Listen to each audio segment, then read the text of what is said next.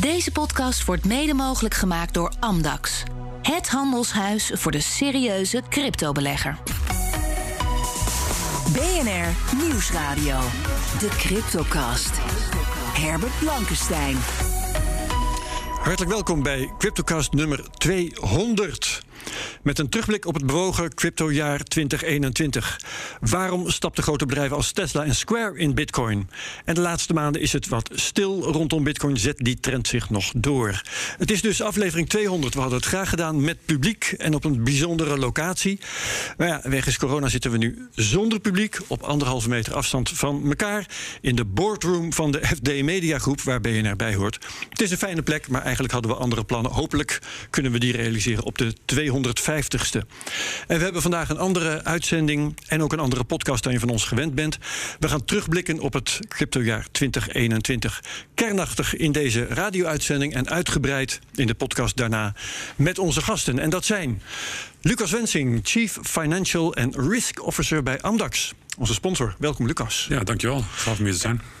Zeker, fijn dat je er bent. En Madelon Vos, YouTuber en Bitcoin-analyst. En natuurlijk voormalig presentator van de CryptoCast. Yes, fijn om hier weer te zijn, Herbert. Heel fijn dat je er bent. Vanuit het verre Mexico. Yes. En vanuit het verre Portugal. Gaan we straks nog wel even over hebben, denk Absoluut. ik. En uh, mijn co-host Bert Slachter. Welkom, Bert. Ja, dankjewel. Analist bij de digitale nieuwsbrief Bitcoin Alpha. En ik heb de gebruikelijke disclaimer. Wij geven geen beleggingsadvies. Vorm je eigen mening. Maak je eigen keuzes. En geef ons niet de schuld als het misgaat. Want crypto kan lucratief zijn. Maar is ook riskant. Nou. 2021, ja, het bleek het jaar van de institutionele adoptie van Bitcoin. We zullen eens even kijken hoe we 2021 uh, precies inging. Wat voorspelden we? Uh, Bert Slachter. Is dit dan ook een, ja. een trend die, uh, die je mee ziet gaan richting 2021? Ja, zeker. Ja, ja, ja zeker. Ja, dat, ik kan me haast niet voorstellen dat het bij Michael Saylor blijft. Er zijn zoveel partijen die nu erop in aan het zetten zijn. Hè? Dus ook uh, zeg maar ook bij de hele grote zakenbanken zijn ze uh, afdelingen ervoor aan het inrichten en, en crypto desks aan het inrichten. Ja. En allerlei fondsen zijn ze aan het praten over hoe kunnen we volgend jaar of het jaar daarna onze allocatie zo aanpassen dat het erin past. Dat was een voorspelling uh, van Bert. het was naar aanleiding van de, de stap van MicroStrategy.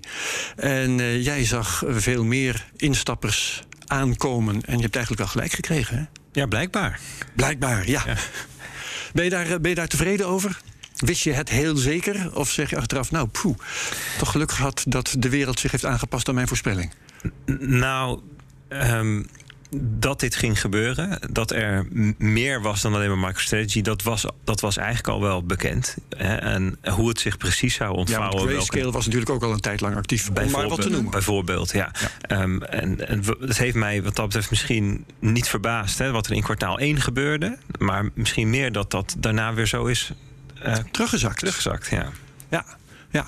Lucas Wensing, uh, ja, actief in het vermogensbeheer natuurlijk met Amdax. Uh, hoe heb jij die ontwikkeling waargenomen? Ja, ik... het, had jij dezelfde verwachting? Is, heeft 2021 zich voltrokken volgens wat jij zag aankomen? Nou ja, het, het macro-landschap waar jullie het nu over hebben... staat denk ik in schril contrast met wat er in Nederland gebeurt. Mm -hmm. wij zijn natuurlijk relatief kort bezig in Nederland. Zeg maar sinds oktober 2020 hebben we de licentie... om überhaupt iets met crypto te mogen doen. Ja. maar voor ons is het natuurlijk een jaar geweest van enorme groei. waar we die bovenkant van de markt proberen te adresseren... hebben heel veel partijen in Nederland de weg naar ons gevonden. En dat is, uh, dat is een veel groter succes dan ik zelf had verwacht. En daar zitten uh, vermogende individuen tussen. Die, uh, wat je dus geen institutioneel geld mag noemen. Maar daar zitten ook family offices tussen. En je merkt dat we veelvuldig spreken met partijen daar nog weer boven.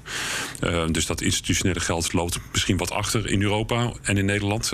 maar die trend is overduidelijk gaande en komende. Ja, ja, ja. toch niet dat het stopt of zo? Nee, nee, nee. Maar Lon, hoe heb jij uh, 2021 ervaren als uh, trader bijvoorbeeld? Ja, wat ik vooral interessant vond, is dat Bitcoin echt een nieuwe asset class geworden is in 2021. En dat was dan niet alleen vanuit de huistuin- en keukenbelegger, maar ook echt van groot, vanuit grote instituten, zoals bijvoorbeeld een Robeco. Hebben we in maart een bericht naar buiten zien komen waarin ze Bitcoin echt als onderdeel van een multi-asset portefeuille uh, neerzetten. En toen hadden ze het ook gewoon letterlijk over 1% van je portefeuille die je daar naartoe kon uh, verplaatsen. En er zijn steeds meer partijen geweest gaandeweg die daarin meegingen. En dat was wel echt een hele kenmerkende stip die daar neergezet is. Waarna er een trend volgde met steeds meer bedrijven die instapten. Ja, ook grote Amerikaanse banken trouwens. Hè? Absoluut. Bank of America herinner ik me, JP Morgan, Morgan Stanley, Goldman Sachs zelfs. Zeker produceert het ene, ene rapport na het andere, hebben hun cryptodesk uh, weer in eer hersteld. Het heeft ook gewoon mee te maken dat die definitie van asset class, waar Madelon over heeft, dat dat bepaalt dat die verdeling van de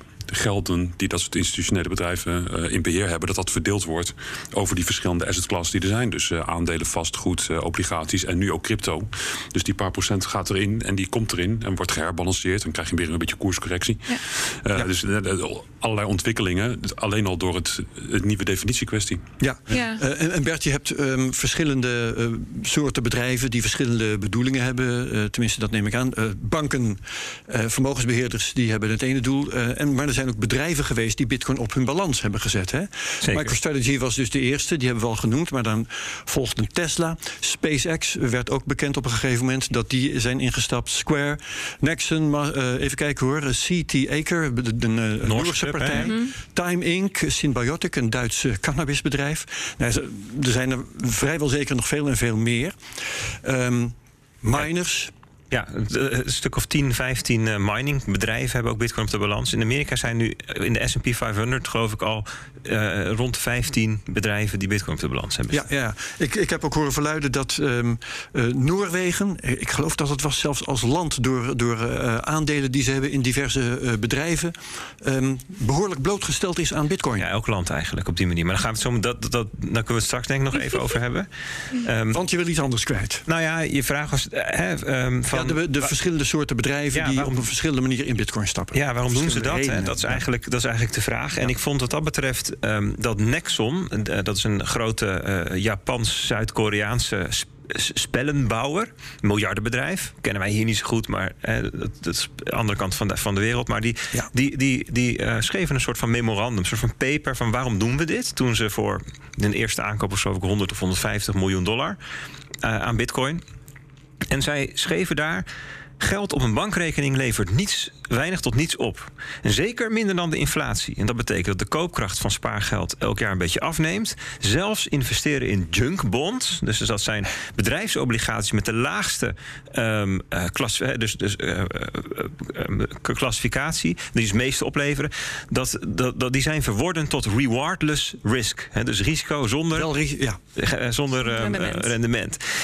Um, en ze zeggen, nou, de, de rente zal nog een tijdje laag blijven. Um, de, de, schulden, centrale banken, die drukken steeds meer geld om overheidsschulden op te kopen. Geldontwaarding ligt op de loer. En wij, zeggen ze, hebben de verantwoordelijkheid naar onze aandeelhouders om de koopkracht van ons geld, ze hebben 5 miljard dollar in kas, dat bedrijf, om dat te bewaken. En Bitcoin gaat ons daarbij helpen. Ja. Dus dat was eigenlijk hoe zij dat op een rijtje zetten. En dat is natuurlijk een veel uitgebreider stuk. Hè. Dus dit zijn eigenlijk een beetje mijn samenvattingjes van hun redeneerstappen. En deze thesis uh, heeft Michael Saylor natuurlijk ook hè, op zijn manier heel groots gebracht. Ja.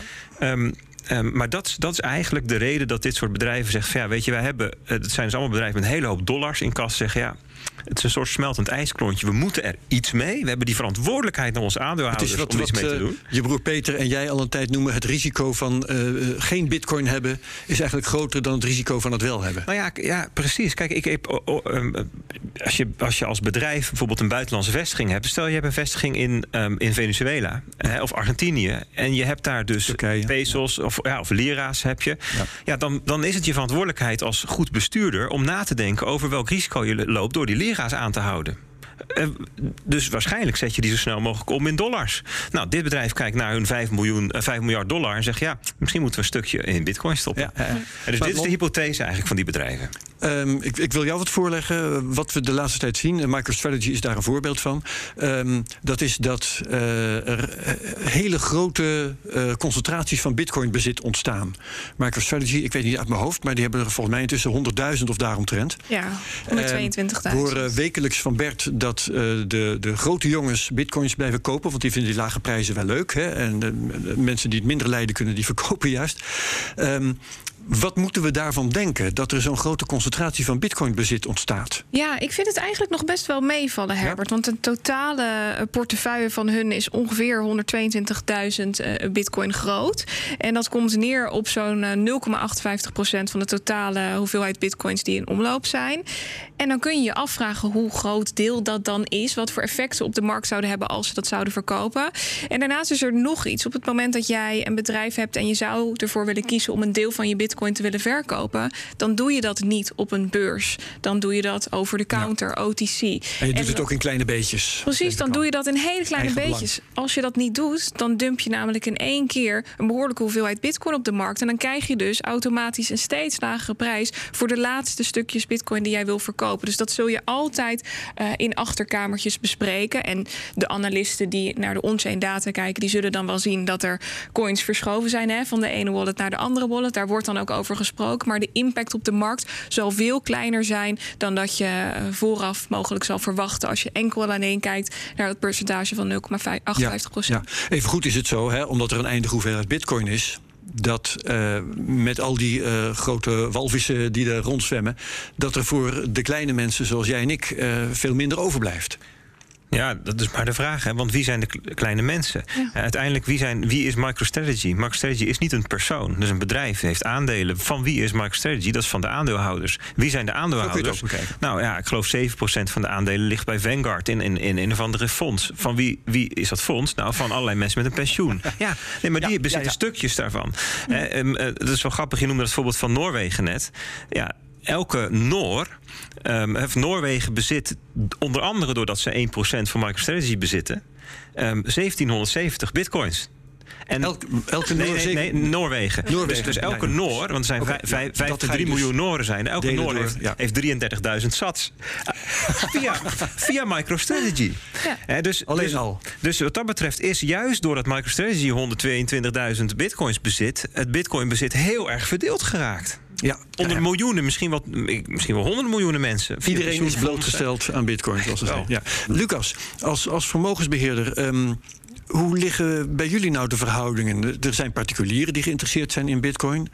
Uh, crypto in het algemeen. Uh, er zijn bedrijven, die, er zijn uh, grote institutionele investeerders. Um, hoe zien jullie die verhouding zich ontrollen? En de verhouding tussen wat ze aanhouden als het gaat om crypto? Of bedoel je meer de. Nee, de, de, de belangstelling van, voor, voor crypto. Hoe is die verdeeld over partijen als burgers en partijen als institutionele investeerders? Um, ja, kijk, institutionele investeerders. Um, de, de, definitie van institutionele investeerders zijn vaak uh, banken, verzekeraars, pensioenfondsen. Ja. Nou, we kunnen er kort over zijn. Die drie type klanten die heb ik niet in mijn portfolio. Ik heb, okay. nog, geen, ja. ik heb nog geen pensioenfonds die uh, actief bitcoins te balans houdt en dat via ons doet. Nee. family offices worden ook wel gezien als institutionele investeerders. daar zijn eigenlijk twee categorieën: de single family offices en de multifamily offices. Het is een beetje een concept wat niet iedereen kent, denk ik. Maar een family office is eigenlijk een, een bedrijf uh, wat uh, ja, de, de, hele financiële huishouding van een familie voor zijn rekening neemt. Een rijke familie? Ja, je hebt die, in die single family offices is Antos eigenlijk de bekendste in Nederland. En die beheert het familievermogen van de Brenning Meijers. Dus dat is een bekende naam. Die zijn ook bank. Dus dan geef je even een beetje een idee waar je, wat voor getallen je het over hebt. Ja. die, die, die hebben dan over vermogensopbouw, uh, investeringsdoelstellingen. maar denk ook aan uh, allerlei belastingzaken die geregeld moeten worden. In het hele internationale huishouding die erbij komt. Nou, er is een hoop te doen, dus daar kan je wel een bedrijf voor oprichten. En multifamily offices doen het al voor meerdere families. En die hebben dus een hele andere investerings. Um, beslisboom, zou ik bijna willen zeggen, maar, dan een individu. Wat misschien een interessante vraag is om te beschrijven... waarom kiezen die voor crypto? Uh, Bert had het net in de context van, van bedrijven over het... Nou, ik noemde het het risico van geen bitcoin hebben... maar in ieder geval, ze, ze willen hun, hun geld beschermen tegen inflatie bijvoorbeeld. Hoe, wat zijn de overwegingen van die family offices bijvoorbeeld? De, een, de family offices, of überhaupt... Um, family office heeft als doelstelling primair of vaak... om het, het familievermogen in stand te houden. En daarvoor hebben ze onderliggend een berekening... dat ze een 6% rendement een mooie doelstelling vinden. En daarin uh, valt die 6%... Bescheiden? Dat is bescheiden, valt een beetje uiteen in drie categorieën. De, de 2-2-2-regel, 2% voor de belasting... 2% um, om op te maken, om een beetje zelf in te leven... en 2% uh, ter correctie van de inflatie. En vooral dat laatste punt is natuurlijk het meest actuele. Want Ja. die inflatie is geen 2%, Geen op dit moment. Nee. Die is, eh, het ligt er een beetje aan hoe je het kijkt. Als je vergelijkt met de ontwikkeling van de vastgoedmarkt... heb je misschien wel over 15 tot 20 procent in het afgelopen jaar. Eh, maar als je dus dat familievermogen in stand wil houden... moet je dus steeds grotere rendementen gaan halen. Ja. Eh, en daarmee verandert dus ook de investeringsdoelstelling. Want eh, ja, in een obligatie ga je dat niet meer voor elkaar krijgen. Je wil niet alleen in vastgoed zitten. Dus nou, je krijgt ehm, een herschikking van portfolio... alleen al op basis van de doelstelling die zo'n family office heeft. En daar komt dan bitcoin of crypto heel snel bij kijken. Ja, duidelijk. Ja, het, is, het is belangrijk voor luisteraar om ook te realiseren dat een, de- zeg maar, wat een family office is, een vermogend persoon of, of familie. Maar, en ook, Of daar de vermogensbeheerder van. Hè? Precies, Ja, nee, maar, en een bedrijf die hebben andere inflatiecijfers dan een consument. Kijk, consument die kijkt naar consumentenbestedingen, voedsel, kleding, weet je. Dus dat zit in de consumentenprijsindex, CPI, dus nu 5,2 of 3 procent geloof Ja, ik in 5,2 Nederland. geloof ik, ja. Iets in die richting. Maar als je vermogend bent, waar ga je dan je geld aan besteden? Natuurlijk ook aan potten pindakaas, maar dat is maar een heel klein stukje van, je, van wat je uitgeeft. Dat gaat om jachten, kunst, huizen, weet je wel. En als je kijkt naar bedrijven, waar geven bedrijven geld aan uit als ze kasposities hebben? Ehm, eh, aan overnames bijvoorbeeld. Hè, en, en, en, en, Nou, ook gewoon grondstoffen, salarissen en ja, dat soort ook, zaken. ook wel, maar, maar als ze overtollig winst hebben, dus uit een kaststroom, dan Ja. gaat dat over, vaak naar groei. Hè? Dus dat, is- of, of ze kopen hun eigen aandelen in. Maar eh, dus het gaat om. Dus dat zijn heel ander soort uitgaven dan wat consumenten uitgeven. Dus hun. Horde waar ze overheen moet springen, ligt nog veel hoger dan bij ons. Kijk, wij willen dan Ja. die 2% gecom- gecompenseerd zien, of nu, nu 5%. Maar zij willen misschien wel 15 of 20% gecompenseerd zien. Ja. en dan red je het helemaal natuurlijk niet met die, met die obligatie. Nee, nee. Ehm, ik wil een iets ander onderwerp aansnijden. Madelon, we hebben eh, het ook in 2017 eh, gehad over eh, ETF's. Eh, 2018 moet ik zeggen, dat was het jaar waarin we begonnen met de CryptoCast. Ja. En het werd dit jaar ook weer een heel groot thema. Er zijn allerlei partijen geweest die hebben geprobeerd zo'n ETF tot stand te brengen. Voor wie het niet weet, even snel, eh, dat is dan een aandelenfonds eh, dat eh, bitcoin koopt, zodat de mensen die in dat fonds investeren via de aandelen ehm, ook weer blootgesteld zijn aan bitcoin. Hè. Ehm, ja, het is er in Amerika nog steeds niet. Op allerlei andere plekken wel. Canada, eh, ook in Europa. Hè. We hebben wat dat betreft ook partijen hier over de vloer gehad die, eh, die dat hebben gerealiseerd. Eh, hoe belangrijk is dat eigenlijk nog dat in Amerika een ETF komt? Wie kan dat nog wat schelen? Ja, ik vind dat lastig te zeggen, Herbert. Want we hebben hier natuurlijk met Mark van der Scheijs veel over gesproken. Die gaf ook aan, hè, op het moment dat die ETF er komt... dan gaan we echt forse koersstijgingen zien. En het moet er Alsof we die zonder ETF niet gezien hebben. hè? Precies, en alsof alleen via die weg de institutionele partijen de markt zouden kunnen betreden. We zien dat ze dat nu op tal van andere eh, manieren ja. ook alsnog doen. Dat het in Europa al kan, middels Ja. een ITN, eh, noem het maar op. Dus ik vraag me af wat die kracht van zo'n ETF gaat zijn als we enkel alleen kijken naar de koers. En als je eh, mij om een mening zou vragen, dan denk ik ja, het is een mooie stempel als die ETF er eindelijk komt. Want dat betekent dat de toezichthouder dit misschien nog meer klassificeert als zijnde een, een nieuw product waar ze naar willen kijken. Maar als we enkel en alleen naar het koerseffect hiervan kijken, dan verwacht ik daar niet zo ongelooflijk veel. Nee, toch zou ik dat, de, dat de, de stamp of approval waar je het dan even over hebt niet onderschatten hoor. Als ik ook zie hoe onze doelgroep daar eh, naar kijkt en eh, wat hun reactie was op het moment dat die eh, registratie bij ons binnenkwam. En hoe, het is, er zit een sterk De registratie bij de Nederlandse Bank ja, bedoel je dan? precies, er zit een sterk emotioneel effect in. Ja. En het vertrouwen neemt er wel mee toe. Ja, dus weet het ook niet zeker. Bert. Dus een heel belangrijke groep die eh, via die ETF's toegang krijgt. Dat zijn de mensen die geadviseerd worden door de financial advisors. Dat is een hele grote groep, eh, zeg maar tussen de rijken en de ar- armen die het allemaal zelf doen in. In Amerika is dat een hele grote groep ook die eh, hun, hun gezins of hun familie, hun huishoudingsvermogen eh, eigenlijk eh, beheert onder advies van iemand die, daar, die, die dat adviseert. En die mensen hebben niet de tijd en de expertise om helemaal in bitcoin te duiken. Ik vind het ook te eng en te spannend. Ja. Omdat, maar, maar een ETF, kijk, een ander verhaal. En als die dan ietsjes minder presteert... ik geloof dat de ETF eh, die er nu is, de Futures ETF... die, die lijkt uit te gaan komen op een onderprestatie van een procent of 14 Ja. op jaarbasis. Dat vinden zij helemaal niet zo'n probleem. En, en het punt is namelijk, zij adviseren... en zij zijn veel comfortabeler met het adviseren van een, van een ETF... ook al presteert die wat minder... dan dan spot bitcoin kopen. Dus er is, de, de verwachting is wel dat in het komende jaar... Hè, dus die ETF is er sinds oktober, die futures ETF... dat in het komende jaar, dus als er straks weer adviesgesprekjes komen... dat langzaam steeds meer ehm, eh, toch geadviseerd wordt. Hè, want er zijn er mensen die komen bij zo'n adviseur. Ja, moet ik niet ook eens wat met crypto, met bitcoin? En tot nu toe zei die adviseur, nou weet je, ik, we hebben eigenlijk niet een goed instrument. En nu zegt hij, wat doe dan maar die ETF. weet je? En overigens, jij maakt onderscheid. Uh, er is een, wel een ETF inderdaad gekomen op basis van bitcoin futures, maar niet op basis van gewoon bitcoin. Want de futuresmarkt is gereguleerd, namelijk dus bij, bij, bij de CME. En um, dus is de, de SEC comfortabel met een, met een uh, um, ETF die daarop gebaseerd is. Ja, dat is de afsluiting. Je, oh, sorry. Dan zou je toch eigenlijk al verwachten dat je hè, op het moment dat die futures ETF de wereld ingeroepen wordt, dat je dan al gelijk daar een effect van zou zien? Of zie ik dat dan verkeerd? Nou, dat zag je dus een heel klein beetje in de zin dat, dat uh, binnen een paar dagen er een miljard dollar in zat. Dat was mhm. de snelste uh, ooit uh, ETF die op, in dit tempo daar is gekomen. Dus dat, er is heel veel ETF-watchers die waren ook wat dat betreft verrast. Maar inderdaad, het, het pakt nu niet echt door. Dat heeft misschien ook te maken met de marktontwikkelingen, maar misschien ook gewoon simpel met het feit dat de doelgroep van die ETF's niet à la minuut reageert. Ik wil het nog even kort met jullie hebben over het heet hangijzer van, van dit jaar. En dat is dat we de 100.000 niet gehaald hebben. Uh, wil van jullie eigenlijk. Ja, we gaan daar in de podcast uitvoerig over praten. Maar even een rondje maken. Waarom niet, Lucas? Nou ja, omdat we ons uh, misschien vastgehouden hebben aan uh, voorspellingsmodellen die, uh, ja, niet zo standvastig zijn als we hadden gehoopt. Dat zou kunnen. Wat denk jij, Madelon? Nou, het is wel heel erg leuk dat je dit vraagt, Herbert. Ik heb vorige week Plan B mogen interviewen. Dat is het, de bedenker van het stock-to-flow-model. En die komt in de podcast uitvoeriger aan bod, denk ik. Ja. Absoluut. En ik zal het even heel kort houden. Hij geeft aan in, in het interview dat hij nog volledig vertrouwen heeft in het stock-to-flow-model. Want hij zegt, we hebben een gemiddelde van 100.000 nodig gedurende een periode periode van vier jaar. Dus als we er nu een hele lange periode onder zitten, dan betekent dat dat we stakjes een hele korte periode er heel ruim boven moeten zitten. Dus het kan nog steeds. Oké, okay, uh, eh, Bert, als je het niet erg vindt, sla ik jou over. Dan gaan we in de podcast gaan we jou uh, extra tijd geven.